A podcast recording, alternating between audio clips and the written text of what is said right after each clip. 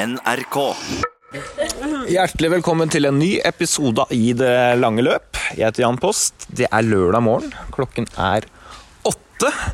Jeg hører gå på rulleski i bakgrunnen, men jeg skal ut og løpe. Jeg ble litt inspirert av forrige ukes gjest, Therese Johaug, og ba på mine knær om å få være med på en eh, langtur i skogen for å se hvordan langrennsløpere gjennomfører det. Akkurat nå angrer jeg litt. Hva er det jeg skal være med på, Therese? Vi skal ha en eh, god gammeldags tretimers langtur i, på sti. Litt sikkert uvant for deg, men eh, ja, jeg tror du skal klare å henge med. Ingen fare. Vel, jeg er litt usikker, men eh, tre timer er fare for at jeg blir sulten her, Karstein. Det kan skje, det. Kan det, Men jeg tipper du klarer det veldig fint. det. Tipper jeg. Jeg er litt nervøs. Jeg pakka med noen seigmenn og litt sjokolade. Og jeg er jo gammel O-løper, så jeg tror jeg skal dra meg ut av Nordmarka aleine hvis jeg må. Det er mulig jeg er litt frekk nå, Maria Strøm Nakstad, men jeg er litt glad for å se deg. Jeg er veldig glad for å se deg også. Du la jo opp for noen år siden, har jo gått verdenscup, men eh, du er litt dårligere form enn Therese, er ikke? Eh, Definitivt. Da, da slår vi oss sammen. Da slår vi oss sammen, og så ser vi hvordan dette her går. Så tar vi en ørliten evaluering om ca. tre timer. Hjelpe meg!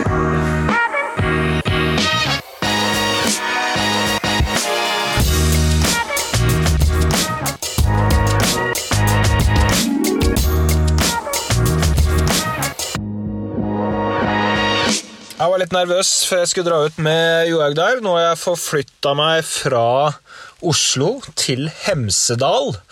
Og det er jo ikke helt eh, dumt med tanke på dagens episode, fordi at eh, fjelløping det er på agendaen. Ingvild Caspersen, en av våre aller beste i fjellene, er gjest. Så da skal vi lære litt om fjelløping. Jeg ser jo at det er mye bra områder å teste meg i her, så jeg får se om jeg blir inspirert av praten med Caspersen og tør å begi meg ut på ting jeg ikke prøver så altfor ofte. Men før det så må vi til eh, Christian Ulriksen, min faste makker, som jeg så med egne øyne løp i uka som var. Det var nesten så jeg måtte gni meg selv i øya, Christian. Så det like bra ut som det føltes, eller så det dårlig ut? Nei, så Jeg prøvde å løpe bak deg, det var det jeg var mest spent på. Liksom, ser jeg noe tegn til halting her etter den operasjonen din og Haglunds her? Det, jeg syns jo det er offensivt da, å går ut eh, og løper liksom sånn i 4.30-fart i et kvarter på Voldsløkka, at du ikke går litt mer gradvis til verks. Jeg var liksom veldig spent på bevegelsesmønsteret ditt, og det syns jeg ikke noe Jeg så noe forskjell på. At du pusta pesa var i elendig form, det får så være. Det er jeg ikke så opptatt av. Eh, Det så greit ut. Eh, Spørsmålet er om det føltes greit. Ja da, det er jo samarbeid her med vår gode venn i Finland. og eh, Så har vi jo prøvd oss litt frem med litt gåing. Så har vi jo hatt to lørdager der vi har løpt litt kort. Så den forrige uka da, så sprang jeg ti minutter på onsdag, og så var jeg jo med et kvarter der på torsdag på ei sånn eh, fellesøkt der oppe på på Voldsløkka, og jeg fikk jo av alle syke ting til og med varma litt opp med han Philip òg der, før de drar til St. Moritz. Og så når eh, folk som du òg kommer innom, så ble det jo særdeles hyggelig. Så eh, det føltes jo veldig bra ut. Etter den torsdagen så har jeg ikke Ja, jeg hadde et, en liten tur på, på lørdag, med samme som jeg hadde litt tidligere, litt i bakke. Og så siden da har jeg ikke løpt. Men eh, verken eh, vondt i foten eller eh, noen form for smerter før, under eller etter økten. Så eh, det går riktig vei, og så skal vi bruke den tida vi har. Det de rundene i forrige uke var litt for å sjekke hva som, eh, som skjer hvis vi legger på litt mer belastning. Og sånn, og, eh, og det ser jo veldig bra ut, men eh, vi har fortsatt ingenting å stresse mot. Det ene løpet etter det andre blir jo kansellert, og eh, ja, været er så som så, og motivasjon deretter, så vi skal i hvert fall være friske før vi går i gang. Ja, det er bra, for jeg så du eh, tok et minutt eller to der med noen som løp eh, sånn halvradi, bare for at du skulle ha gjort det. Da nesten ser jeg ikke turte å se på. Jeg tenkte at det her går gærent, nå må du roe deg litt ned. Men eh, det er bra du har tatt det litt rolig etterpå, da, i hvert fall. At du får litt mer gradvis over det her. Eh, eh, snakker du med noen fysioterapeut nå, eller?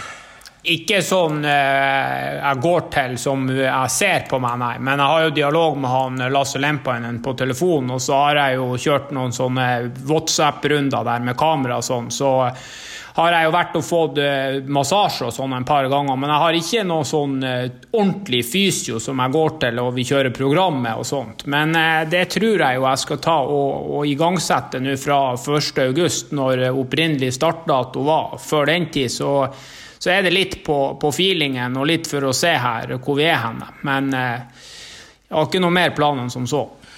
Ja, det er bra du får litt struktur og orden inn i, i livet ditt. Din eh, kjære samboer Katrine har jo vært borte i over to uker nå, og nå har hun kommet hjem. Da blir det vel litt mer orden på det ene og det andre, vil jeg tro? Jo da, man har gjort eh, mange gode og dårlige ting her i livet, men det der med å holde deg inne med samboeren og kjerringa, det tror jeg er greit. Så fikk jo eh, spurt hun høflig der på søndag om ei liste med ting som skulle gjøres her i leiligheta før hun kom tilbake, og fikk jo tilsendt, jeg skulle ikke si et, et A3-ark, men det var, ikke, det var ikke bare ei linje, så det var frem med støvsugeren og en vaskekost og litt forskjellig, så vi får, eh, vi får holde dem vi bor sammen med fornøyd, enn så lenge i hvert fall. Et godt, gammelt skippertak. Det, det kler deg. ja, Vi får se om du får litt mer struktur på treninga di òg. Jeg er jo da på høyfjellet, som jeg har sagt. Eh, Der er vi nå tre voksne og eh, fem barn i alderen tre til åtte-ni år. Det er jo en ganske kaotisk tilværelse, det òg. Jeg eh, har fortrent en økt idet jeg kom. Og så tenkte jeg i går at jeg skulle løpe meg en tur i fjellet. Så endte det med, med fjelltur, hvor jeg da bar treåringen 900 høydemeter opp i en bærmeis og 900 meter ned igjen. Når jeg hadde gjort det, så tenkte jeg i grunnen at uh, det var trening nok. Uh, det, det var ikke bare bare, altså. Få en eh, 20 kilo på, på ryggen der, 900 høydemeter rett opp, og det gikk nå på et vis. Det var jo noen pauser der. Eh, Seksåringen skulle jo ha noen pauser og det ene og det andre, men vi kom oss opp på Skogshorn, da, for de som er lokalkjent. Uh, og så var det ned igjen. Og det å gå eh, nedover bratt med å, å bremse i hvert steg der, da blir du ordentlig god og mør i låra, altså. Så mm, jeg tror det kvalifiserer for treningsøkt, så da har jeg trent eh, to ganger på tre dager, så har jeg sjans etter innspilling her. Klokka nærmer seg ni på kvelden, det striregner, jeg sitter i en bil ute, utenfor hytta for å få litt eh, fred og ro.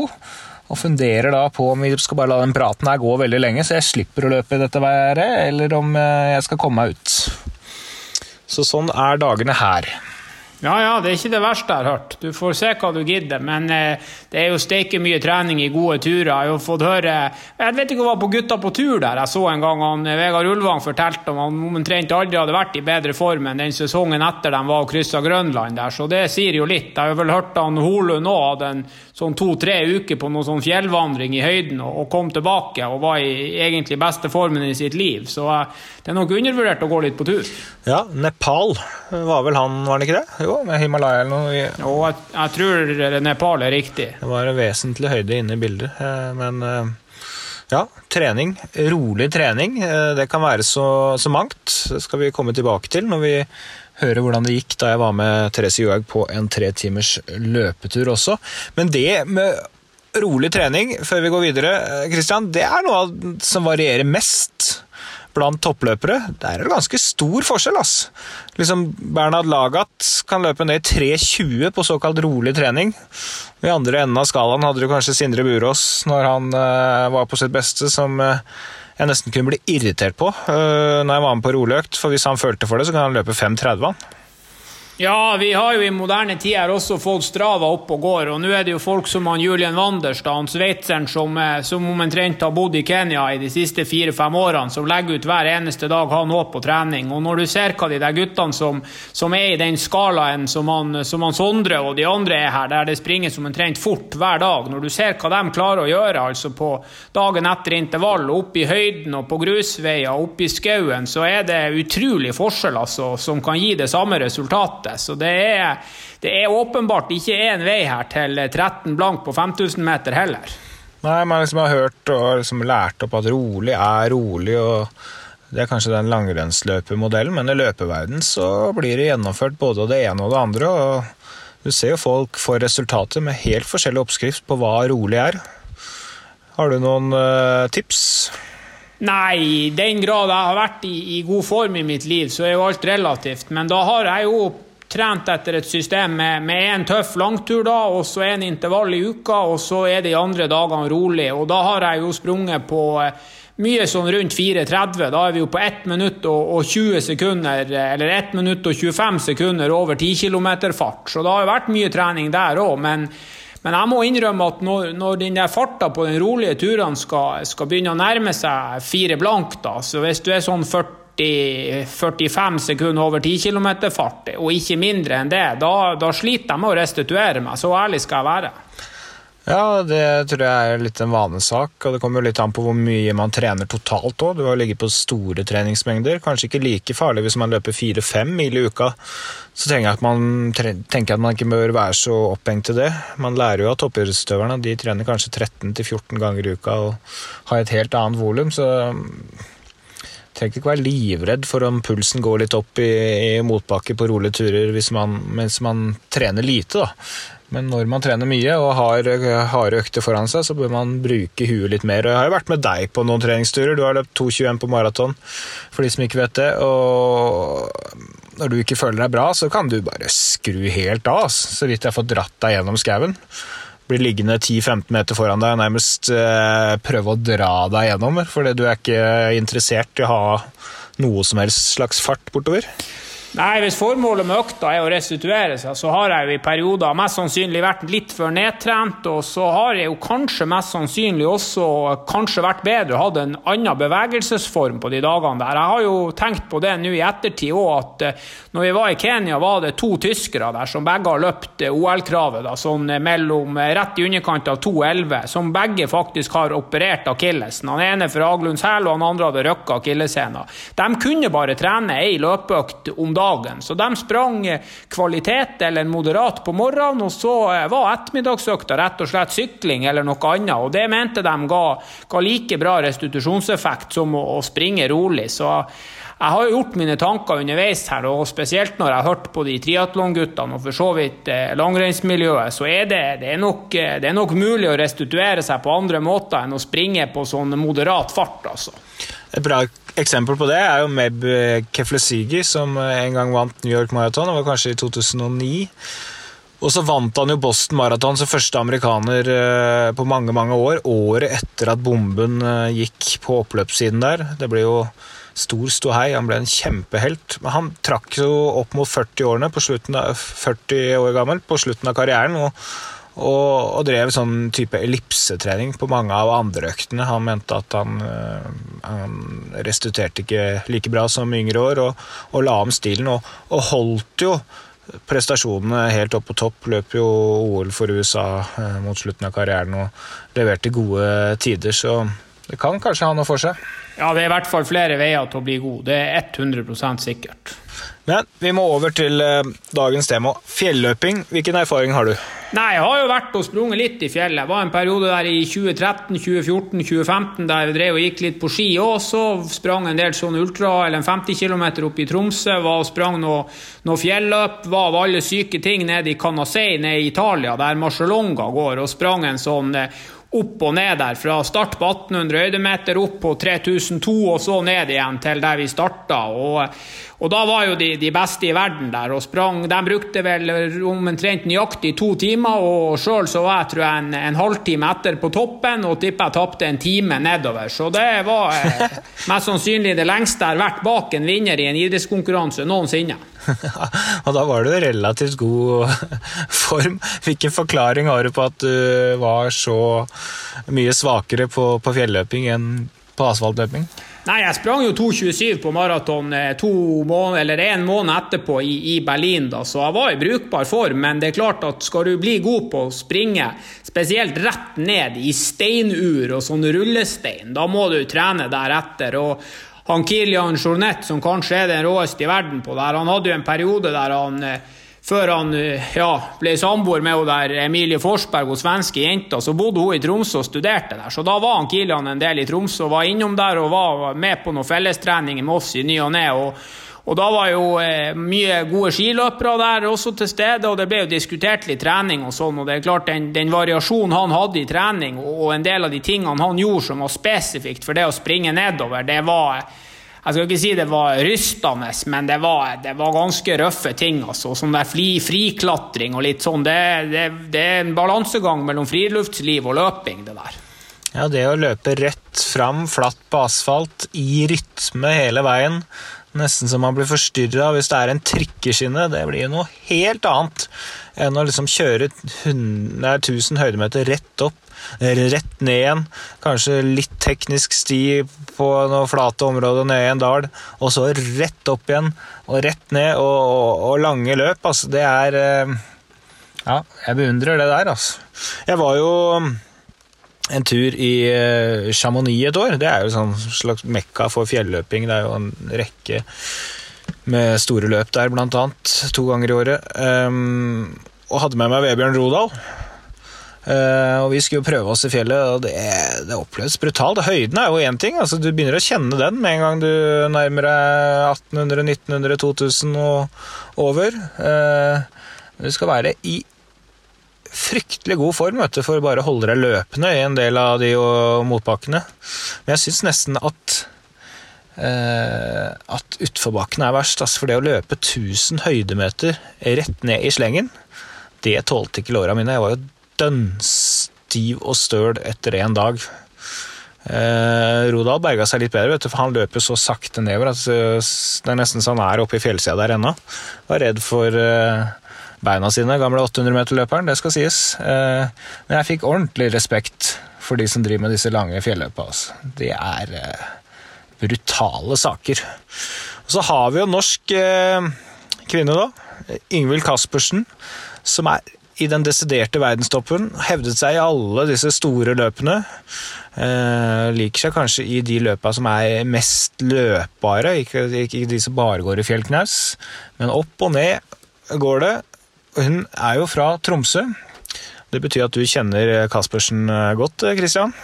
Ja da, av dem vi har intervjua så langt, så vil jeg jo kanskje si at hun er den jeg kjenner best. Hun eh, var nabo med en av mine beste kompiser og var en sinnssykt god fotballspiller. Spilte fotball på aldersbestemte landslag og begynte å trene med oss i Tromsø løpeklubb i noe sånn 2013-2014, når hun fortsatt gikk på videregående. og var jo åpenbart et, et stort idrettstalent og, og i, ja, en treningsgiver og en lyst til å bli bedre som var, som var stor. Og hun ble jo ganske kraftig hekta på, på løping, la med oss flatt ganske fort. Altså. Hun la jo opp som fotballspiller, jeg skulle nesten si sånn der dagen etter at hun har spilt landskamp. Og så gikk det kort tid, så, så var hun, hun var jo en av dem jeg var og reiste med når vi var nede i Canasei der, og jeg tror hun også slo meg med nesten en time, liksom. Så hun var god fra start, og spesielt i fjellet. Hun er sinnssykt sterk i beina etter mye fotball og mye styrketrening. Og så eh, har hun vært eh, veldig uredd bestandig.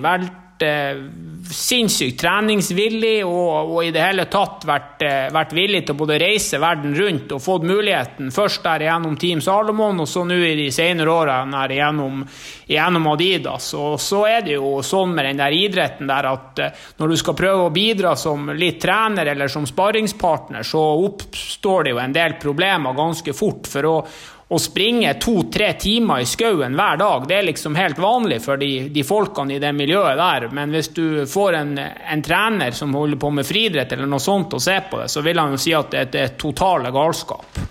Ja, Hva var største utfordringa når du skulle leke trener for Caspersen, som du gjorde en stund? Ikke, ikke nå, riktignok. Nei, altså hun var jo på et nivå der hun sprang på 35 lave på en 10 km. Det må kanskje ha vært i 2015 eller noe sånt, 2014 kanskje, samtidig som hun var eh, relativt sett mye bedre i terrenget. Og så var det jo liksom å finne ut liksom litt hvordan vei det skulle trenes mot, og så skjønte vi jo etter hvert her at, at fremtida og mulighetene var størst i terrenget. Og jeg hadde jo lite erfaring sjøl, og hun er jo ganske ung og har ikke spesielt mange bremser heller, så så det var vanskelig å, å, få et sånn system som gjorde at vi, vi hadde kontroll på ting. Og hun har trent seg kraftig i hjel et par ganger òg, så det har ikke gått til himmelen fra start her. Hun har møtt på litt problemer underveis, og jeg skal ikke si at de kunne vært unngått hvis vi hadde hatt et bedre samarbeid, men, men det er vanskelig når alle rundt deg på Team Salomon liksom, de reiser på treningsleir i tre uker, og, og det er ingen som har et treningsprogram. Alle skal liksom ut og, og ta bilder og være og springe i tre-fire timer, og, og, alle der er på et høyt nivå. Da er det vanskelig å fortelle en utøver at hun skal være hjemme og springe fem ganger 2000 meter, liksom. Jeg ser at eh, det er litt eh, krasj miljømessig, ja. Nei, men eh, jeg gleder meg til å snakke med, med Ingvild Caspersen. Jeg er veldig nysgjerrig på hvordan i alle dager man går fra å, å spille ball på en fotballbane til å begynne å løpe opp og ned fjell. Det er ingen A4-forvandling, det må sies.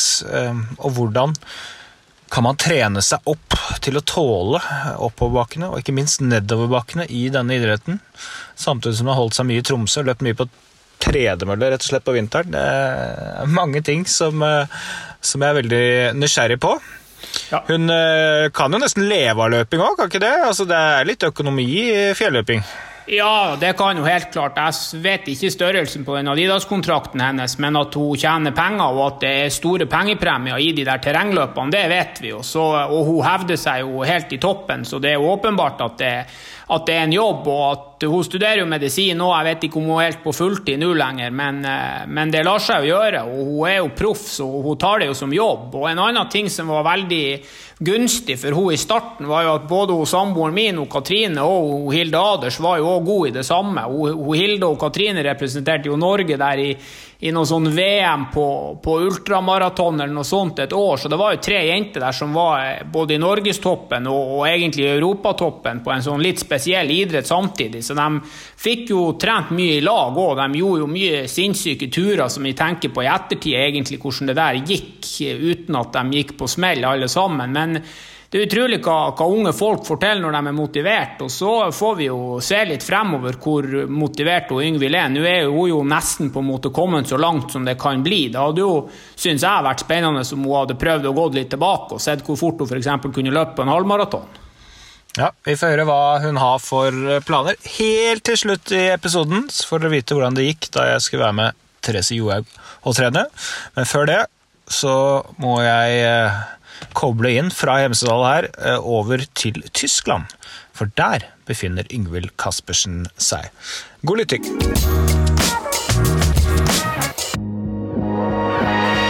Med oss hele veien fra Tyskland, Ingvild Caspersen. Sprechen Sie Deutsch? Hei. Nei, jeg snakker ikke tysk ennå. Er dårlig, altså? Ja. Har ikke fått tid til å lære meg det ennå. Men hva gjør du i, i Tyskland? Eh, jeg har en kjæreste som bor her, så jeg har egentlig bodd her mm, ja, veldig store deler av det her året. Ja, det har jo blitt et litt spesielt år. Hvordan er det å være i Tyskland i koronatider? Nei, eh, det er jo spesielt å være her. Det er jo litt sånn, litt sånn som man ser i en film, at alle går med munnbind og sånn. Men eh, ja, hverdagen min har egentlig vært så å si uendra. Så jeg er jo ikke så mye ute i byen og går og er så sosial uansett, så eh, ja. Det går i trening og skole, si. ja, akkurat. Toppidrettsutøver er jo som å være i karantene, har vi funnet ut i denne koronatiden. Så det, det, er ikke så store forandringer, det er bra. Du, I dag har vi lyst til å lære litt om å løpe i, i fjellet. Men før vi kommer inn på hvordan du trener, hva slags løp du løper og hele greia der, så har jeg lyst til å gå litt tilbake i tid. For eh, det var jo ikke noe selvfølge at du skulle bli en av verdens beste fjelløpere. Du drev med en helt annen idrett på ganske høyt nivå eh, i, i tenårene. Fotball, eh, hva slags forhold hadde du til fotball? Jeg starta jo å spille fotball når jeg var ganske liten, jeg tror ja, på barneskolen en gang. Um, og trivdes veldig godt med det og var ganske ambisiøs. Og uh, hadde lyst til å nå langt i fotball. Um, så jeg starta jo egentlig ganske tidlig å, å trene ganske målretta mot uh, å bli best mulig i fotball. Um, så målet var jo egentlig hele tida å spille for det norske landslaget. Men det fikk du vel gjort òg? Det fikk jeg. Um, jeg var på et par landslagssamlinger for J19. Um, ja. Jeg, jeg var inne og så på statistikken, og det er iallfall notert i Fotballforbundets statistikk med tre landskamper i U19-sammenheng. Hvordan var det? Det var egentlig helt fantastisk. Det var det som var målet, og det jeg jobba mot. Og når jeg endelig eh, ble tatt ut, så var det jo Det var jo lykkens dag. Og um, det var veldig kult å få være med og få oppleve det. Men det som jeg eh, har lest litt om deg, er jo litt spesielt. For liksom akkurat idet du bryter igjennom og, og når på en måte landslaget der, så litt i samme periode så oppdager du løping. Eh, hva skjedde? Det, ja. Um, nei, jeg, som sagt, det var jo alltid et mål for meg å komme på landslaget. Og, um, men mot slutten der så kjente jeg også litt på den følelsen av at jeg begynte å bli litt lei og hadde lyst til å prøve noe nytt.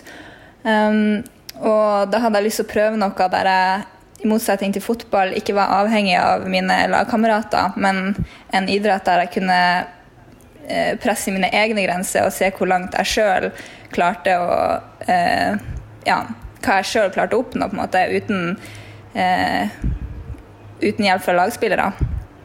Og, um, ja, og når jeg da hadde vært på landslaget og, eh, og vært på noen samlinger da, så fant jeg ut at jeg var ikke villig til å sette meg høyere mål. Eh, jeg var liksom kommet dit jeg hadde lyst til nå, og jeg hadde lyst til å prøve noe nytt.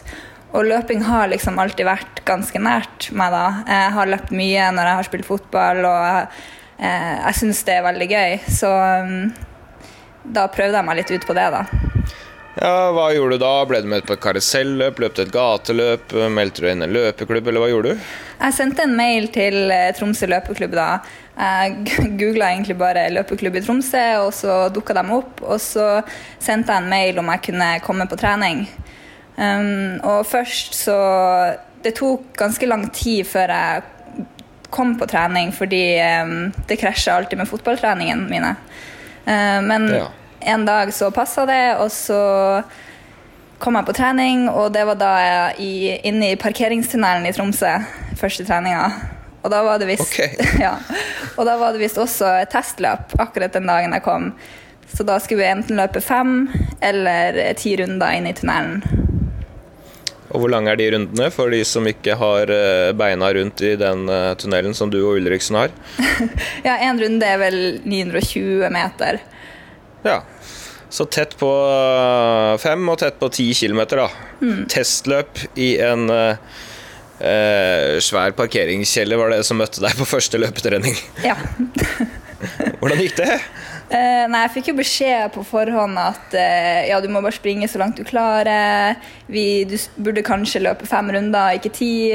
Um, men ja, bare ha det gøy, liksom. Og uh, ja, så mm, begynte han å springe, og jeg kjente egentlig ganske fort den følelsen av at eh, ok, det her er liksom noe jeg har lyst til å drive på med. Jeg vet ikke, Det er litt vanskelig å forklare den følelsen, men det var bare noe som eh, klikka, liksom. Um, Det var, Ja. var litt av en ilddåp, da. ja. Husker du hvor fort det gikk? Åh, nei, det husker jeg ikke. Jeg var jo ikke så opptatt av tid og sånn da. Men um, eh, det gikk noe sånn Ja, helt greit, egentlig. Eh, jeg tror ikke jeg så på tida engang, for å være helt ærlig. Nei. Eh, men fotball, du, du drev jo fortsatt med fotball. Hvor- gradvis gikk du ut av det, eller var det plutselig stopp? Nei, jeg, I starten så kombinerte jeg jo begge delene. Ehm, men eh, det var jo sånn at eh, jeg gikk jo på skole, og så det var mye på skolen, og så skulle jeg ha fotballtrening på morgenen og ettermiddagen, og så skulle jeg ha løpetrening på kvelden, og så eh, en dag var det jo jeg sprang jeg en halvmaraton, husker jeg, og så hadde jeg en kamp senere på dagen. Og, så det var litt sånn eh, Jeg prøvde å kombinere det i starten, men jeg fant fort ut av at eh, man kan ikke satse på begge deler. Så da gikk Fløya glipp av en, eh, en toppspiller. Ja, det var egentlig ganske overraskende lett å slutte på fotball og, og begynne å løpe, da. Um, og jeg tror egentlig at eh, det var ikke helt uh, Altså, folk forventa ikke helt at jeg skulle slutte på fotball. Uh, til og med mamma var sånn Er du sikker på at du skal gjøre det her? Men uh, det var et overraskende lett valg. Ja. Var det følelsen av å løpe, eller var det det at du løp gode tider i starten, eller hva var det som gjorde at det var lett til slutt? Ehm, nei, det var egentlig ikke pga. Uh, tiden jeg løp. Eh, jeg tror jeg løp min første 10 km um, på 39 minutter, noe sånt. Så det er jo greit, men ja, sammenligna med de beste, så, er det jo et stykke unna. Men det var ikke det som var målet, det var bare den følelsen løping ga meg, og det potensialet jeg hadde innenfor løping i og med at jeg syntes det var så gøy. Um, og jeg følte at det her er noe som eh, jeg har lyst til å se hvor god jeg kan bli i. Så, um, og løping hadde jeg på en måte allerede nådd målet mitt og var begynt å bli litt lei. Så det var på en måte mye mer å oppdage innenfor løping enn fotball. Mm. Eh, men du, du starta ikke med, med fjelløping, du starta å løpe inn i en parkeringsgarasje, egentlig. Men uh, hva slags type løp løp du i starten her? Nei, egentlig så var jeg bare med på alt man kunne være med på som var i Tromsø. Um, det var Midnight Sun, gateløp, og det var de her fjelløpene. Um, Tromsø Mountain Challenge. Uh, og det her året var vel også det året jeg begynte å løpe fulltid, da, så var det også første året de prøvde å ha Tromsø Sky Race um, i Tromsø. Uh, så det var på en måte Det var første uh, Sky Race jeg løp da. Ja. Det var egentlig litt tilfeldig, da. Det var bare fordi det ble arrangert i Tromsø akkurat det året. Ja. Um, men det må ha gitt mersmak uh, på et eller annet vis. Hvordan var det? Ja, å løpe Det løpet var liksom det gøyeste jeg hadde løpt hele det året. Så um, Hvorfor det? Nei, jeg vet ikke. Det var noe med det å løpe i fjellet og løpe opp, løpe ned og ikke bare rett frem. Uh, det var på en måte en mye større opplevelse. Uh, og så har jeg alltid vært fascinert av det med å eh, presse seg sjøl oppover, for det er liksom det er jo det tyngste i løpinga, det å springe oppover, syns jeg. Uh, ja. Ja, det er jo en brutal øvelse. Hvor langt uh, Det er jo litt forskjellige lengder der under Tromsø Sky Race, har iallfall vært senere. Hvor langt løp du den gangen? Uh, den gangen var vel løpet ca. 19 km. Ja. Så det var jo også ja, Jeg hadde jo aldri løpt så lenge i tid før, så jeg var ganske sliten på slutten der. Uh, og det var jo òg litt sånn en god følelse. Du liker å bli sliten, rett og slett? Ja. ja, men det, det er bra. Uh, I innledningen når Christian og jeg snakka sammen her, så var vi inne på at uh, du er jo på en måte blitt en profesjonell løper, og en av uh, ja, ikke så veldig mange løpere i Norge som kan uh, tjene litt penger på, på, løpingen, for du ble jo oppdaget av skal vi si, profesjonelle team. Det var vel i, i Salomon først. Hvordan, hvordan, tok de kontakt? For det var ikke akkurat det du tenkte, at du skulle bli profesjonell løper med det første? Uh, nei, det var egentlig Alt har egentlig vært ganske tilfeldig. Uh, etter det her Tromsø Sky Race året etter, da, så fant jeg ut at jeg hadde lyst til å um, løpe litt mer i fjellet. Så uh, jeg og noen kompiser vi bestemte oss for å dra til Chamonix og løpe litt i fjellet der og være med på et sånn arrangement som heter Mont Blanc Marathon. Ja. Og, um, ja, og jeg hadde meldt meg på maratondistansen, men fikk ikke plass.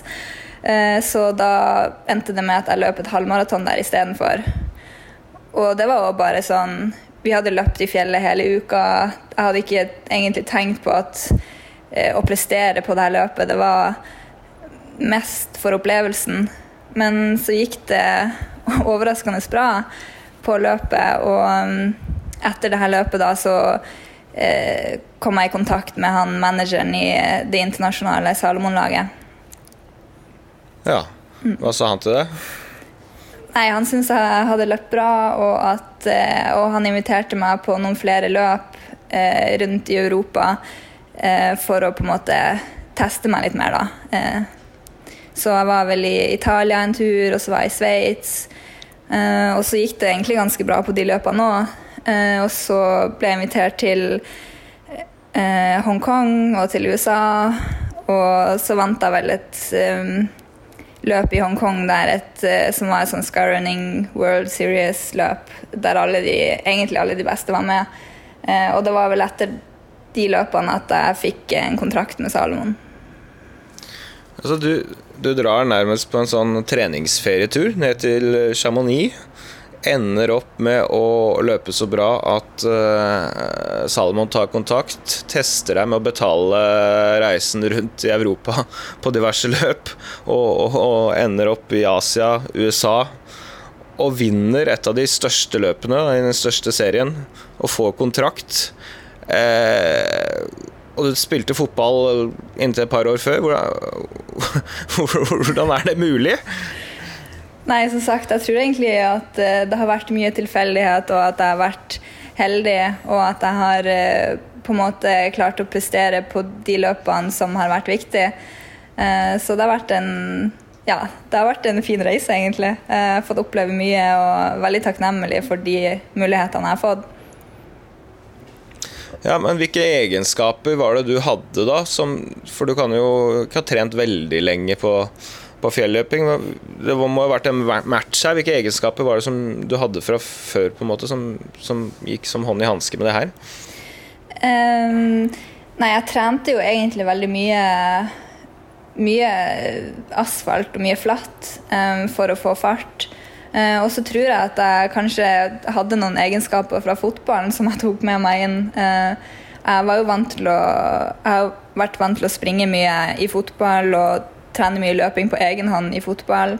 Uh, og så trente jeg jo mye styrke og var jo sterk i beina. Mm, så kanskje det hadde var en fordel. Ja, for en ting jeg tenker på da, sånn med en gang, er at ok, oppover. Uh, det er tungt, det er tøft, eh, men har du egenskapene og kapasiteten, så, så, går det. Men du skal jo være god til å løpe utfor her òg. Eh, og det hadde jeg trodd kanskje trengte seg litt spesialtrening. Hvordan tok du den biten av det? Eh, nei, nedoverløpinga var vel egentlig i starten der eh, min styrke. Eh, og det tror jeg er at jeg har gått så mye på fjellet og hjemme. Eh, det var ikke noe nytt for meg å, å være i fjellet og springe og gå i ulendt terreng. Så det var aldri den største utfordringa. Jeg tror alltid den største utfordringa er det å løpe fort oppover. Ja. ja jeg har jo løpt med en del folk som kommer fra gateløp, og som på ganske høyt nivå, som det skal ikke så mange røtter og steiner til da, før de begynner å bli bekymra for beina sine. Så det er tydelig at du eh, er litt mer fryktløs enn kanskje gjennomsnitts eh, gateløperen der, da. Jeg tror man må prøve å koble ut hodet litt, ja. Og eh, ikke bekymre seg sånn, for da går det Man må være litt fryktløs, ja. Da var du inne på, på laget til Salomon, senere har det blitt uh, Adidas. Uh, hvordan fungerer et sånt lag? Det var jo litt forskjellig i Salomon og Adidas. Og det Adidas-laget var jo ganske nytt når jeg starta, så det har jo på en måte endra seg litt også siden jeg starta. Men uh, du er jo Det er noen reiser som vi gjør sammen, og så er det noen reiser jeg gjør på egen hånd. Uh, og så har vi noen uh, samlinger der vi møtes alle sammen. Også de ansatte. Eh, og der vi på en måte utvikler produkter i lag, og der vi utøvere kan bidra til å eh, til å produsere sko og utstyr innenfor terrengløping. Akkurat. Eh, følger det noen trener med på kjøpet her, som blir tredd ned over hodet på det der, eller hvordan er det? Nei, det er egentlig ganske De legger ikke noe press på utøverne sånn sett. Utøverne står ganske fri til å ha de trenerne de vil, og til å trene hvordan de vil. Og spesielt i Adidas da, at vi får velge mer, mer, de løpene vi vil være med på. Det var kanskje litt mer fastlåst i Salomon hvordan løp vi skulle springe, men nå står jeg egentlig ganske fritt. og jeg har egentlig alltid hatt en god treningsrutine sjøl som jeg har utvikla opp gjennom årene, så jeg har holdt meg til mitt eget program.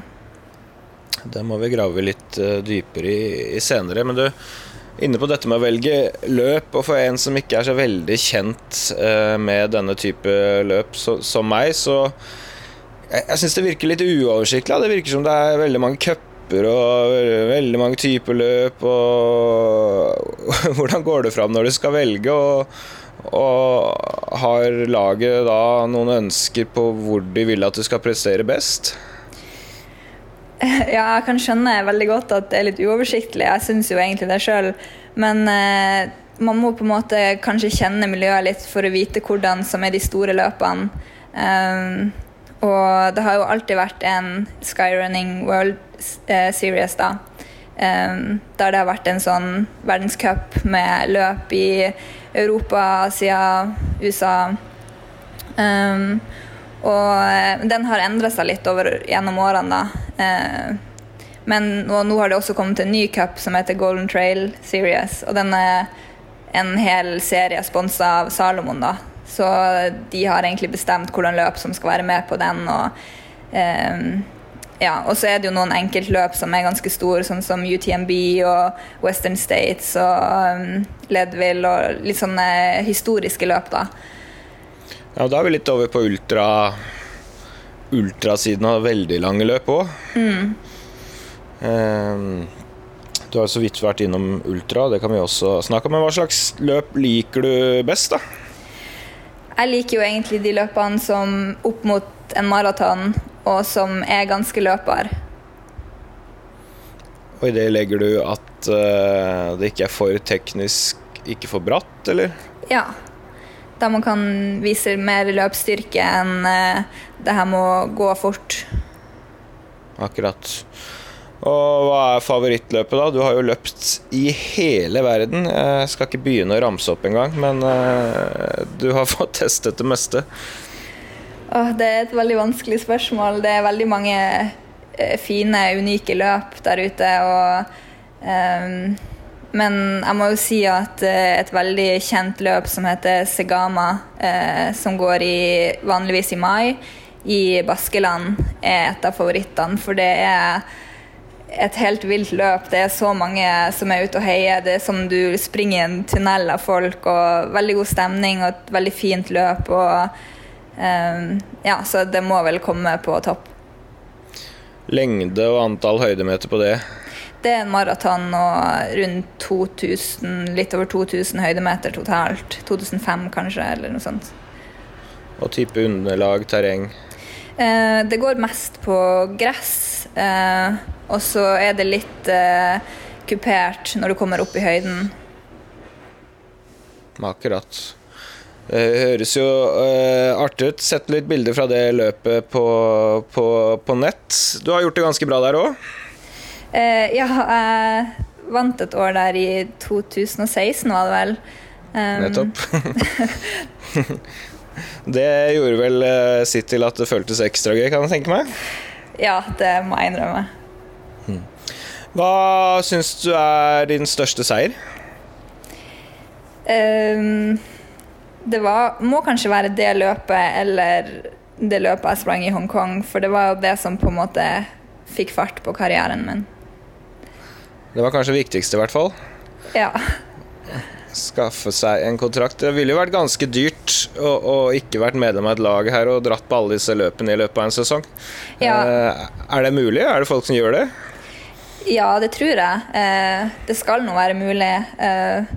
Men selvfølgelig, det, jo, det blir jo litt begrensa hvor mange løp man kan være med på. Og ofte går jo de her løpene litt eh, De går jo ikke i de store byene, så det blir jo ofte litt dyrere å reise, og du må kanskje ha leiebil for å komme deg opp i fjellet og litt sånn, så eh, det blir jo en litt dyrere reise.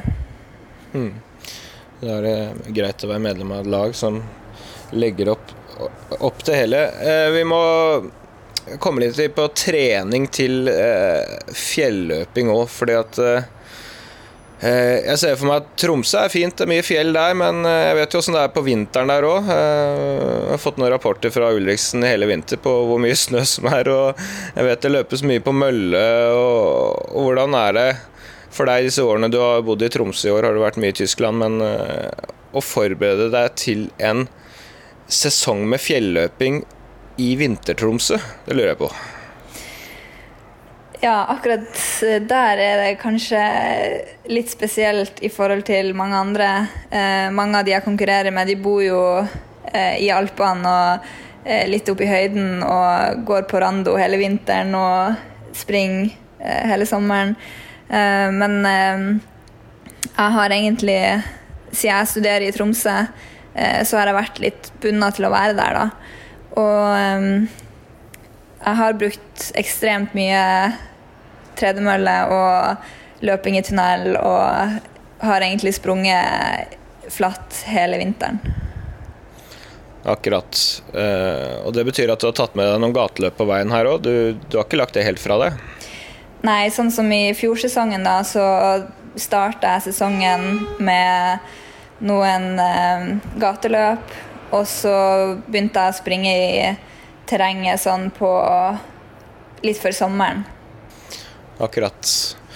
Jeg har jo vært en gang i Chamonix for å løpe. Eh, Endte ikke med noe proffkontrakt etter å ha vært der som deg, riktignok. Men eh, det som slo meg, da, når man er vant til å løpe en god del flatt eh, Jeg er gammel O-løper, så jeg har vært litt i terrenget, men eh, etter å ha vært på langtur der og rast ned 1000 høydemeter halvveis i en tur der, så var jo jeg fullstendig ødelagt. Så da lurer jeg på liksom hvordan er Tar du den overgangen da, når du løper mye på mølle i en parkeringskjeller og løper gateløp på våren, og plutselig skal løpe disse løpene med enormt mange høydemeter opp og ned? Eh, hvordan er det mulig å omstille seg?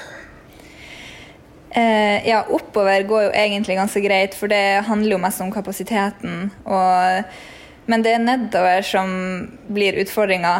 Men jeg syns at eh, hvis man starter eh, med å springe et par kortere terrengløp, da Jeg tror mitt første løp var 20 km eller noe sånt. Um, og eh, så herder man litt beina opp gjennom eh, sesongen. Så jeg starter ikke med de lengste løpene, men heller bygger meg litt gradvis opp. Eh, men selvfølgelig, det er jo ikke optimalt å ikke få trent nedoverløping i løpet av vinteren. Men det her året så hadde jeg ikke mulighet til det. Nei, jeg skjønner. Men, men flytter du på et tidspunkt eh, all trening eh, til kupert terreng, eller beholder du en del av eh, den litt raskere løpinga? Nei, jeg springer veldig mye flatt i løpet av i, i mitt treningsprogram. Eh, og kanskje mer enn de fleste som springer eh, sånne fjelløp, eh, gjør. Um, men eh, jeg kombinerer det jo mer utover sommeren. Eh, hvilken fordel føler du du får av å ta med seg den type trening? Eh, å springe på asfalt, tenker du? Jeg har løpet en del rask, iallfall i om det er asfalt eller grus eller bane eller hva det er. Ja, um, nei, jeg føler jo at jeg får, en, jeg får bedre fart og bedre løpsstyrke. Og det er jo kanskje derfor også at jeg liker de mer løpbare løpene, fordi at det er der jeg bygger styrken min. Ehm, Og um, ja, og springe egentlig litt sånn maratonretta. Nå har jeg jo hatt han Christian som trener et par år, og da trente jeg veldig mange eh, maratonøkter. Eh, Det tviler jeg ikke på.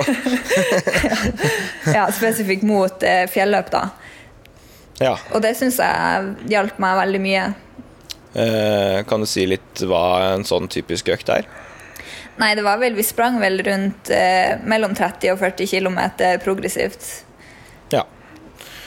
God, god eh, tradisjonell maratontrening. Men har du gjort eh, den type ting altså i, i, i fjellet, da? Eh, I fjellet blir det mer eh, Da har jeg løpt mer eh, rolige langturer, egentlig. Um, og sånn intervalløkter. Eventuelt litt fartslek og sånn. Ja. Det blir kanskje for brutalt å løpe harde langturer der. Ja, jeg føler jeg får mer utbytte av å springe den flatt, egentlig. Men eh, det handler jo litt om- også om hva jeg liker. Og, hva jeg liker og um, I løpet av en uke så kunne jeg også hatt en, eh, en progressiv asfaltøkt. Um, og så en lang tur i fjellet i samme uke. Ja. Da blir det to ganske tøffe belastninger. For hvis det er mange høydemeter og mye nedoverbakkeløping på, på den fjellturen. Ja, men da får man også trent litt de, de, i de lange løpene da, mot slutten av løpene når man er sliten, og prøve å holde farta oppe. I Tromsø så er det vel eh, fjell å få trent i, men du har vært litt i Oslo. og Hvordan Hva gjør du når det er steder hvor det ikke er fjell, for å, for å forberede deg på fjelløping? Eh, nei, det har jo egentlig vært litt det som er situasjonen nå når jeg, eh, når jeg bor her i Hamburg, at det er jo helt flatt. Og ehm, det er vel ikke noe annet å gjøre enn å springe flatt, da, egentlig. Um, men eh, hvis man har en bakke Nå vet jeg at jeg har vært oppe på Vettakollen der, f.eks. Uh, Ja. Så der er det jo uh, en bakke man kan springe i, eventuelt kjøre Springe litt opp og ned der og kjøre litt intervaller der, da. Kan jo være en idé. Ja, Så man kan kjøre kortere bakker opp og ned. Ja. er en variant. Men de har du ikke funnet i Hamburg? Nei, det har jeg ikke. Dessverre. Nei, Hamburg er jo mest kjent for uh, maratonet sitt, som pleier å gå parallelt med London Marathon på våren. Flytta til høsten nå, og de påstår at de skal arrangere, faktisk. Så um, du kan gjøre deg kjent i den maratonløypa, da. Ja. Um, eh, du var inne på det. Christian har vært trener for deg. Du det har vel også har vært perioder uten å ha trener. Hva er fordeler og ulemper med å ha trener, ikke ha trener? Um, nei, det er jo Jeg vet jo Jeg har jo løpt såpass lenge nå at uh, jeg vet litt hva som funker for meg. Og um, uh, Så jeg har ikke noe problem med å trene sjøl. Uh, problemet mitt er kanskje at jeg ofte blir litt for ivrig. gjør kanskje litt for mye og i tillegg har belastning med skole og sånn som gjør at eh, jeg har gått på noen smeller av og til. Og um, det han Kristian sa til meg, eh, var vel egentlig at den viktigste jobben han gjorde, var å holde meg litt igjen. Så um, det er jo en fordel med å ha trener at du har noen å spare med eh, og diskutere treninga med. Ja, for Det er litt interessant med deg, er jo totalbelastningen. Eh, Du har snakket om studier, og det er ikke hvilke som helst studier. Det er medisinstudier du gjør eh, i, i Tromsø. Ehm, Jeg har jo aldri studert medisin, av gode grunner. Det hadde jeg aldri kommet inn på. Men jeg ser for meg at det er ganske tøft, og hvis du da skal trene et par ganger om dagen nå, så må dette bli ganske mye i perioder. Ehm, og da, du sa jo nå at du har kanskje kjørt litt hardt en periode òg. Hva skjedde? Eh, nei, det var vel egentlig Det her var vel egentlig mest sånn før eksamenstida i fjor eh, og året før at man tenker det går greit en periode å, lese hele dagen og så ha to treningsøkter, men det er også det med at hodet må få litt fri. og det å skal presse seg sjøl på en hard treningsøkt på ettermiddagen etter man har sittet og lest hele dagen i mange dager i strekk, det, det blir ganske tungt i lengden. Og det går greit eh, noen uker, men så etter eksamen min da, og sånn, så var det egentlig ikke noe mer, mer å gi. Det var liksom, det var litt dødt. Eh, og klarte egentlig ikke å hente meg inn hele den sesongen. Det her var vel i 2018, så um, eh, Ja, da bestemte jeg meg for å gjøre det litt annerledes i, eh, i år og i fjor, da. Um, 2019-sesongen. Og da har egentlig universitetet vært veldig behjelpelig å dele opp studieprogresjonen min litt, sånn at jeg har fått mer tid til å løpe og restituere mellom økten. Um, og bruke litt lengre tid på, på studiet, da. Men, og det har egentlig Det funka veldig bra, så jeg hadde en veldig bra eh, fjorsesong. Ja, det var jo veldig bra, og, og jeg tenker på når jeg ser hvilke løp du har løpt. Du har jo vært verden rundt og endt opp i Himalaya der eh, til slutt. Åssen det er å, å, å reise så mye og, og, og få tid til å studere medisin. Eh, nei, man må jo være flink til å lese på reise. Eh, og til å bruke de mulighetene man har til å lese. Eh, men ja, det er jo klart, man vil jo gjøre Eller jeg vil jo gjøre studiet ordentlig også. Jeg vil ikke bare skynde meg gjennom det og bli ferdig med det. Eh, og det er kanskje også min største styrke og svakhet, da, at jeg vil gjøre ting veldig ord- ord- ordentlig og er litt sånn perfeksjonist. Så når jeg gjør ting, så gjør jeg det 100 liksom. Um, og det kan være litt slitsomt av og til, men jeg føler det er det også som får meg gjennom studiet og løpinga og ja, i kombinasjon. Blir det tid til noe annet i det hele tatt? Det blir lite tid til noe eh, annet, det må jeg innrømme. Det rekker å finne deg en tysk kjæreste, da. Så nå, noe. Ehm, Jeg nevnte ultra her, for at jeg så at for noen år siden så løp du et ultraløp som het eh, ja, Nå skal ikke jeg prøve meg på fransk, men Grand Trail Templiers eller et eller annet sånt, og du ble nummer to. Dette er et løp med ja, ganske mange høydemeter og ja, nesten åtte mil, vel. Um, hvordan var det? Eh, det var et veldig spesielt løp, egentlig. Det var et løp jeg egentlig bare heiv meg med på fordi at jeg hadde lyst til å prøve ultradistansen. Og var vel Heiv hei, hei, deg med på et løp Ja, ok. Ja, jeg var i det området, og så tenkte jeg at uh, før jeg dro hjem, så skulle jeg få med meg det her løpet. Um, og eh, ja, jeg husker at jeg ble litt forkjøla dagene før, så jeg var veldig usikker på om jeg skulle løpe det. Men eh, ja, jeg begynte nå å løpe. Jeg tenkte at hvis i verste fall så ga jeg meg etter et maraton eller noe, 50 km eller noe sånt. Um, men så fløyt det ganske bra på. Eh, Det var et ganske løpbart eh, løp, så jeg løp egentlig hele veien. Trengte ikke å gå så mye, og fikk ganske god flyt. Um, og så er det litt det her med at når du har kommet halvveis, så har du lyst til å fullføre. Eh, så det var mitt første ultraløp, og eh, det var et veldig, det var litt annerledes fra de andre løpene jeg har løpt, for det handler jo egentlig til slutt kun om det mentale. Det med å presse seg sjøl og komme seg til mål. Hva, hva syns du om den situasjonen? Eh, Jeg syns det er veldig spennende. Så jeg er veldig fascinert over det her med hvor langt man kan presse kroppen. Og det var en eh, god opplevelse. Jeg tenker nok at det blir en, flere ultraløp fremover. Kanskje ikke med det første, men eh, om noen år.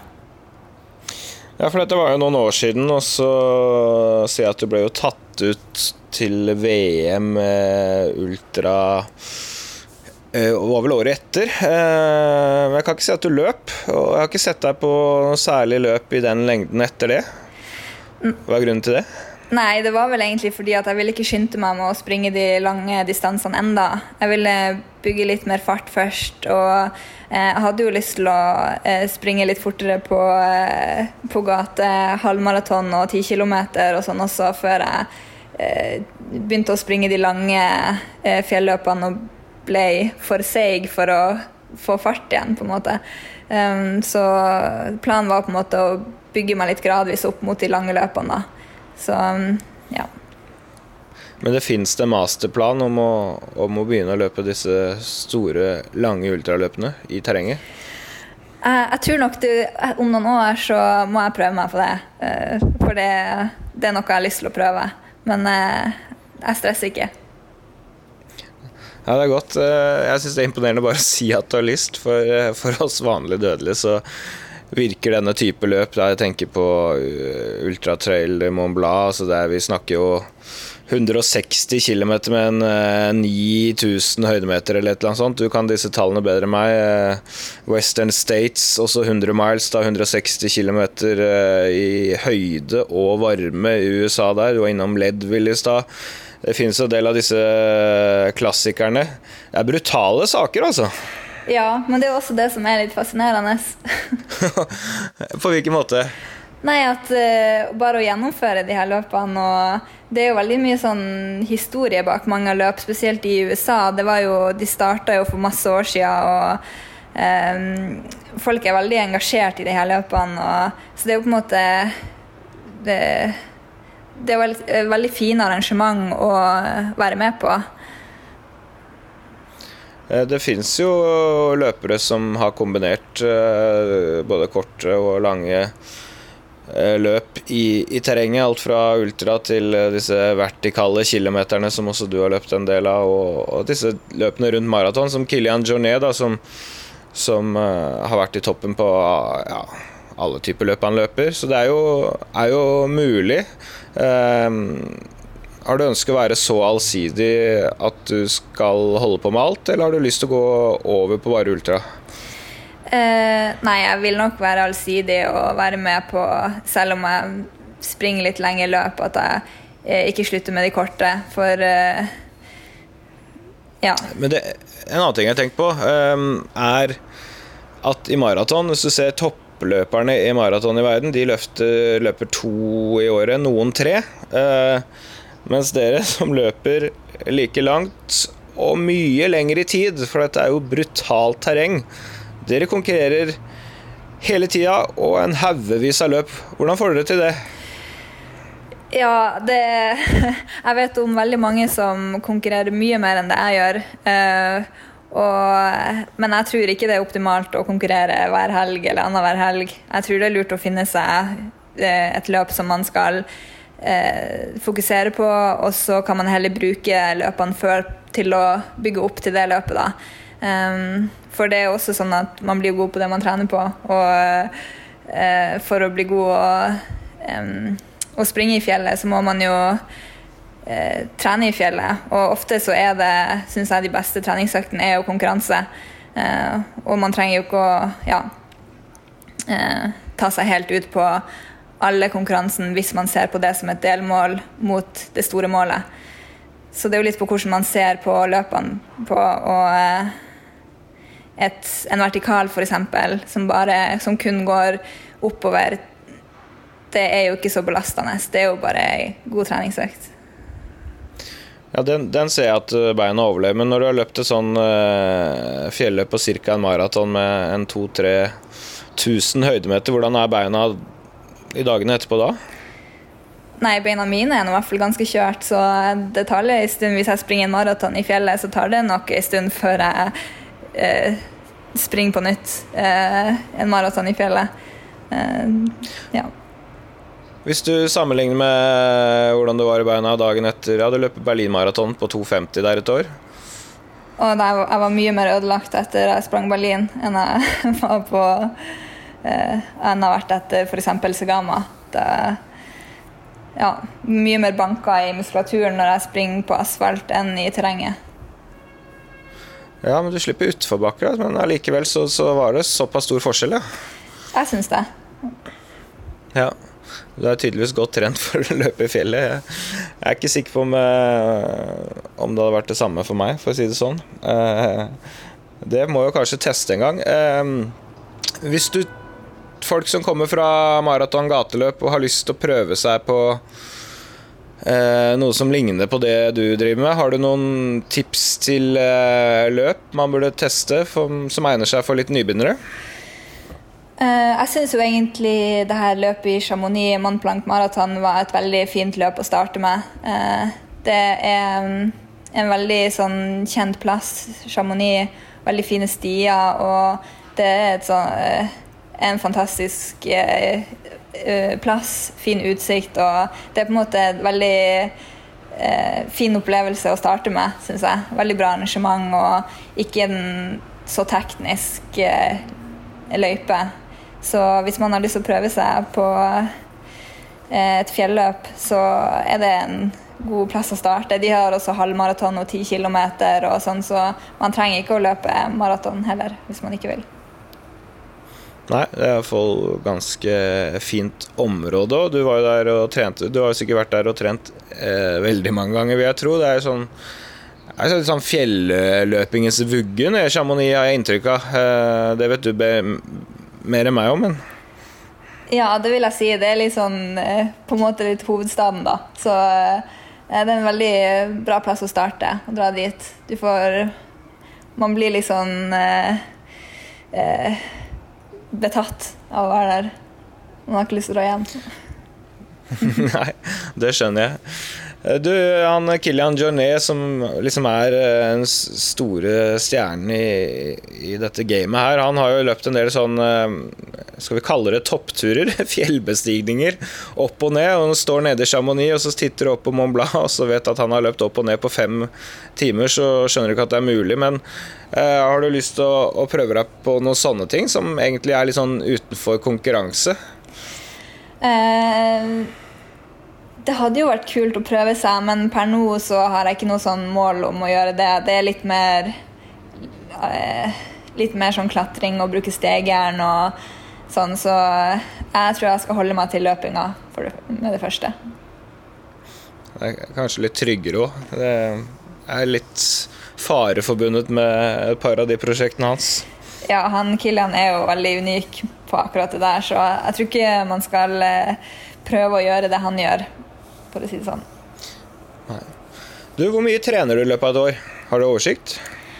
Og i løpet av et år Nei Det vet jeg faktisk ikke.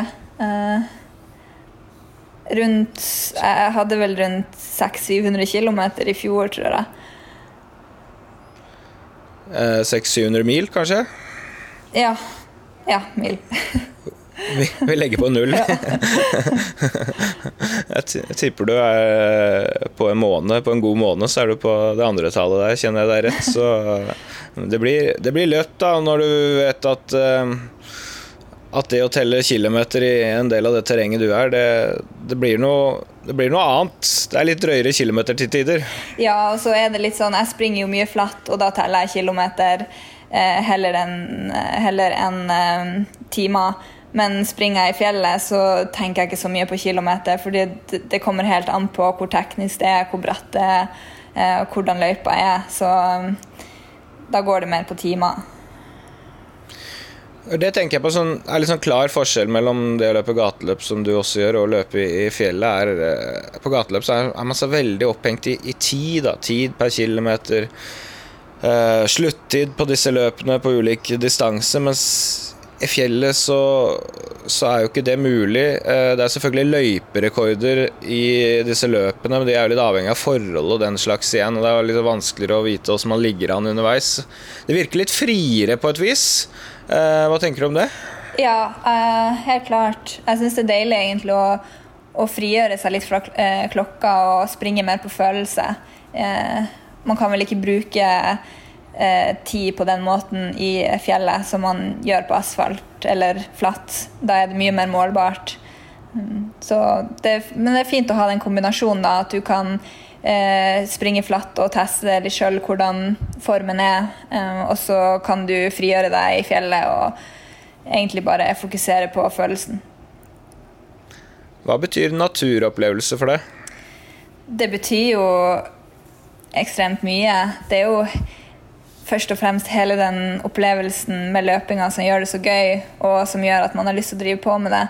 Og eh, det tror jeg også at jeg har lært litt eh, opp gjennom tida, at man må gjøre det man har lyst til, og, um, og ikke tenke så mye på det andre syns. Altså det med at eksempel at jeg slutta på fotball, var jo ikke alle som syntes helt om det. Men man må til syvende og sist gjøre det man har lyst til sjøl. Hvor mye rekker du å, å se rundt deg da når du eh, løper disse løpa? Det, det er jo ganske krevende fysisk etter hvert. Ja, man tror ikke man Jeg fokuserer ikke så mye på eh, omgivelsene når jeg er i et løp, for, eh, for å være ærlig. Um, av og til så prøver man jo å kikke litt opp og se litt, men man rekker ikke å tenke så mye over det, fordi at ja, man fokuserer på løpet. Ja, Så det er mer på trening? Ja, mer på trening. Ja, Det ante meg. Jeg husker jeg løp Chicago Marathon en gang, og så kom eh, en av kompisene mine og spurte hva jeg syntes om å løpe gjennom Chinatown. Ja, jeg har ikke vært i Chinatown. Jo, du løpe gjennom Chinatown? Nei, jeg har ikke sett noe spor til Chinatown. Og så fikk vi bildene fra løpet. vet du. Det var jo dragehoder og kinesiske bygninger eh, rundt hele meg der. Det ble vanskelig å nekte til slutt, men det blir litt sånn tunnelsyn i fjellet også. Ja, det er sant. Ja, det er godt. Eh, Vi liker jo å tro at vi har de fineste fjella i, i Norge. Du kommer jo fra et sted med veldig fin natur. Er det sant, eller finner du fineste fjell andre steder? Uff, eh, nei, man har jo alltid en eh, liksom forkjærlighet for hjemplassen. Men eh, det fins veldig mange fine fjell der ute, og eh, jeg tror nok ikke at Tromsøfjellene kommer på topp. Blir upopulær hjemme nå. så så eh, hvor, hvor er vi på topp, da? Da tror jeg jeg er veldig glad i Alpene. og jeg, synes, jeg har også vært litt i Colorado og sprunget litt i fjellene der. og det er ja, helt fantastisk der også. Så, men vi, i Norge så har vi jo den kombinasjonen med hav og fjell som finnes veldig få andre plasser. Eh, så det er jeg veldig glad i, det at man kan springe rett fra havet og opp på fjellet. Og, um, så det er veldig unikt for Norge, da. Ja, det er bra vi har våre fordeler, vi også. Du ble litt nysgjerrig på um, det løpet du gjorde i Himalaya, hvordan det var å være der. Jeg tenker veldig stor høyde og en annen kultur og enorme fjell og Hvordan var det? Ja, det var veldig spesielt. Eh, nå er jo vant til å springe litt i høyden, da, så høyden var ikke noe problem. Men eh, det var litt eh, Det her løpet var jo egentlig en litt sånn bonus for løperne som kom til finalen. Eh, så de hadde jo et opplegg til oss eh, de dagene før løpet, og vi var jo og vandra i fjellet dagene før løp, og var ikke den optimale oppladninga til et løp. Så det her var på en måte et løp for opplevelsen. Kun for opplevelsen. Um, men det var et brutalt løp, for det var jo nesten 3000-4000 uh, høydemeter totalt. Og uh, veldig langt i tid. Uh, men det var veldig spesielt, for vi sprang jo midt i en Midt i eh, naturen, altså det var små landsbyer der som ikke visste at det skulle være løp, og du ser de her som jobber for, eh, for å få seg mat og eh, Ja, veldig sånn Du kom liksom rett i det, på en måte. Eh, eh, rett i en sånn I naturen, da. Eh, så du fikk på en måte se litt ekte av Nepal, og det var en veldig fin opplevelse å få være med på. Eh, løpet var jo egentlig helt grusomt tungt, men eh, fjellene rundt var fine, så Ja, men Det høres ut som du får uh, mange opplevelser utover det å bare være med i en konkurranse. Jeg hører jo at dette her er noe annet enn hytteplanmila og sentrumsløpet. ja. Um, så uh, du, du må jo være, føle deg litt heldig òg, som får, får betalt og får betalt reise. Og, det er selvfølgelig fordi du er god, da, men få oppleve all, alle disse tingene rundt om i verden. Ja, det er egentlig Det føler jeg meg også veldig heldig for å få muligheten til, og tar det ikke for gitt. Savner ikke fotballen. Nei, jeg har ikke angra et sekund på at jeg har slutta på fotball, så Det, det er godt. Du, avslutningsvis eh, Vi hører om mye reise her, vi hører om mye fjell. Det er jo ikke vært det store året for reising så langt, det må vi si, eh, midt i koronaen her. Eh, ser du for deg noen sesong i år i det hele tatt, eller hvordan blir dette her? eh, Egentlig så må man jo bare ta det litt som det kommer, for eh, de, de begynner å arrangere litt løp rundt omkring. Jeg har fått, litt, eh, fått høre litt fra Spania og fra Polen og litt forskjellige land, men problemet er jo at det er reiserestriksjoner og det er karanteneregler. og ja, Så det er jo vanskelig å, det å reise inn i et land og eh, Ja, så det er veldig vanskelig å si om det blir noen løp i år. og Jeg har egentlig brukt denne tida på å fokusere på skolen og eh, fått gjennomføre eksamen og litt sånne ting som Ja. Så om det blir noen løp, det vet jeg ikke, og jeg stresser ikke med det. Men savner du fjellet? Det gjør jeg. Nå har det jo vært så mye snø hjemme også, så det har jo ikke vært eh, vanskelig å få løpt på fjellet. Men eh, forhåpentligvis nå på eh, sensommer når jeg skal hjem, så blir det gode forhold til å løpe i fjellet. Ja, da får du Det er litt høydemeter igjen. Det blir sikkert eh, bra. Så får vi se hva høsten eh, bringer. Eh, Helt til slutt, et treningstips. Kall det gjerne ukas økt, men det kan være et tips òg til folk som skal ut og løpe kuperte løp. Det fins noen av dem i Norge òg. Det er sikkert flere som skal prøve seg utover. Ja. Eh, jeg tenker det viktige er å herde beina nedover. Så jeg vet at eh, det er mange som springer f.eks. hvis man springer motbakkeintervaller, så kan man avslutte eh, litt de siste minuttene med å springe fort nedover også. Eh, før man tar en liten pause og kjører nytt drag. Så det kan jo være et bra tips hvis man har lyst til å eh, trene spesifikt mot å springe eh, kupert opp eller ned. Den kjøper jeg, altså, for etter løpt 1000 høydemeter ned tre dager på rad i Chamonix, så klarte jeg knapt å gå. Jeg. Da gleder jeg meg til, litt flatt asfalt igjen. Så der, eh, der hadde jeg svikta. Det tipset skal jeg ta til meg, og det bør sikkert noen andre gjøre òg. Um, ja, men tusen takk, eh, Ingvild, for at du var med i, i det lange løp. Så krysser jeg fingrene for at du får noen fine reiser i 2020 utpå høsten. Ja. Så får uh, hvis ikke så får du kose deg i, i fjellet i, i, Norge. Tusen takk. Takk for at jeg fikk være med.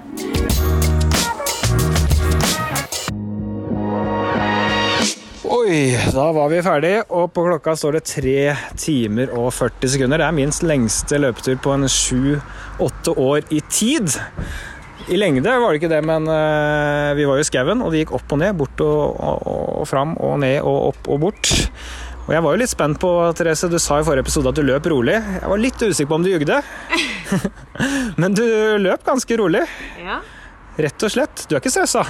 Nei, jeg er ikke stressa. Jeg koser meg når jeg er på, på langtur. Og eh, når jeg trener såpass mye som jeg gjør, så er det på en måte viktig at den uh, treninga jeg gjør, er rolig òg. For at jeg skal tørre den belastninga. Og eh, som sagt, eh, du kan bygge en god kapasitet ved rolig trening òg. Det må ikke være eh, hardøkter som gjør at du, du blir i best form. Skal jeg være ærlig, så tror jeg ikke jeg har løpt så rolig på flere år. så det var en god ting. Men jeg har ikke løpt så langt heller. Og du sa liksom at du var nesten mer opplagt når du kom inn enn når du løp ut. Der er ikke jeg, altså. Jeg ble litt mør etter to timer, og etter to og en halv så begynte jeg å bli litt sulten. Jeg kjenner nå at jeg har vært ute en stund. Jeg gleder meg til å ta en dusj og, og spise litt. Så men jeg overlevde.